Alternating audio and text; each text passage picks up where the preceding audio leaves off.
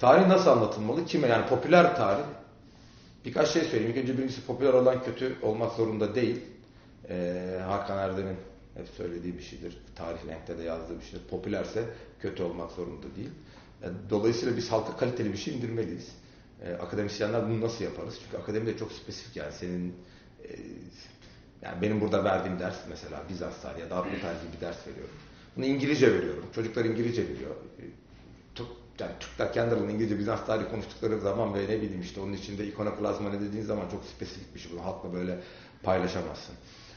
Biraz daha e, popülerleştirmek ifadesini kullanacağım ama kitapta da e, Sultan'ın Casus ve Sultan'ın Korsanlarında da ben popüler bir dil kullandım ama kitapları popüler zannettiler. Aslında çok teknik kitaplardı. E, popülerleştirirken kendi özünden bir şey kaybetmemesi lazım. Kitapta bununla daha dikkatli olabiliyorsunuz. Konuşurken de böyle. E, biraz popüler örneklerle, hayatın kendi içinden. Bu da biraz akademisyenin yaşadığı yaşamla alakalı. Çoğunlukla e, akademisyenin halkla arasında bir bağ kurmasını zorlaştıran şey halkla arasında bir bağ olmaması zaten. Ve bu bağı popüler kültür ögeleri üzerinden kurabilirsin. Ben bir bilgisayar oyunu bile kullandım yani. Şimdi 16 yaşındaki çocuğa, 20 yaşındaki çocuğa Civilization üzerinden bir şey anlatabiliyorsunuz. Yani tabii ki bu ideali değil. Tabii ki kitap okuması lazım. Ama ben kulağından tutup kitap okutamam. İçinde bir heyecan e, uyandırmak için ne bileyim işte Crusader Kings'de feodaliteyi anlarsın yani. Feodal bir toplum. Feodal, feodalite nedir? O memleket niye merkezleşmiyor? Hakikaten çok güzel anlatır. Bir türlü kuramıyorsun yani. Çünkü Royal Domain'in genişlemiyor falan. Şimdi oradan artık okuyacak. Yani beni dinleyerek, Flu TV'de olmaz öyle saçma tarihi dinleyerek tarih öğrenemez. Okumadan bir şey öğrenilmez. Her ne kadar o videoların bazılarında kitap abartılı bir şey gibi e, provokatif şeyler söylüyor ama bu olmaz. O kitap okuyacak. Ben ona kitap okuyacağı zaman fragman gibi. İyi fragmanda şey vardır ya. Kötü fragman filmi anlatan fragmandır. Bazen fragmanı izlerken filmde ne olacağını anlarsın. İyi fragman ama böyle o heyecanı yaratırdır. Ben o filmi anlatmayacağım.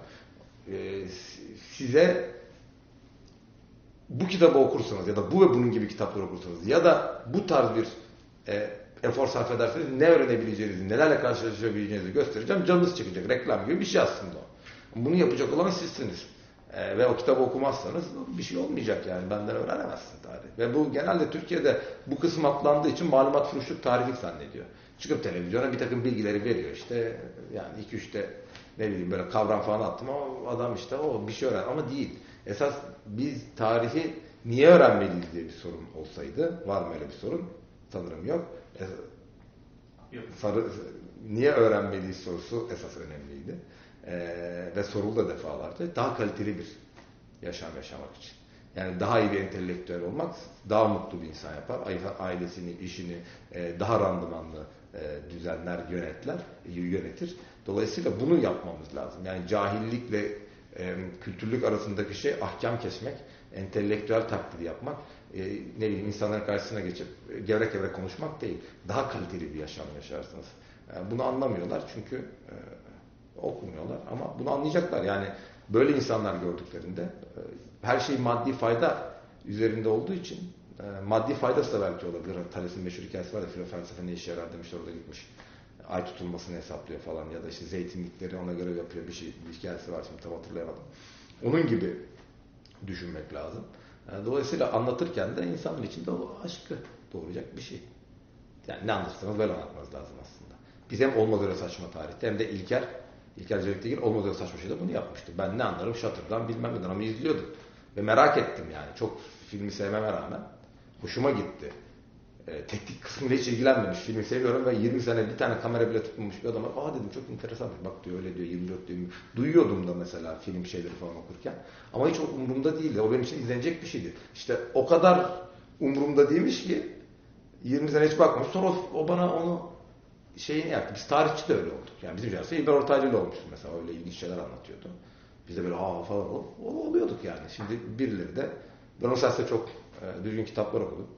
Ee, birileri de benim sayemde düzgün kitaplar okuyorsa. Biri çok güzel bir şey yapmış YouTube'un altına. Aksaray'dayım hocam 9 Aksaray'da olması neyi değiştiriyor diye bir e, şey sorulabilir ama böyle yazmış. Aksaray'dayım hocam. Burada çok sıkıldım. Sayede 9 kitap okudum diye. Şimdi bak bu önemli bir şey. O anlatım onun sonucunu verirse güzel. Yoksa bu işten para kazanmıyoruz biz. Unlike what they think kazanmıyoruz yani. Para için de yapmıyoruz. İlker Cennet gibi tahterevanla dolaşıyor. Bir yerden bir yere götüremezsin yani para için. O heves için yapıyoruz ve e, başarılı olursak ne güzel bir şey.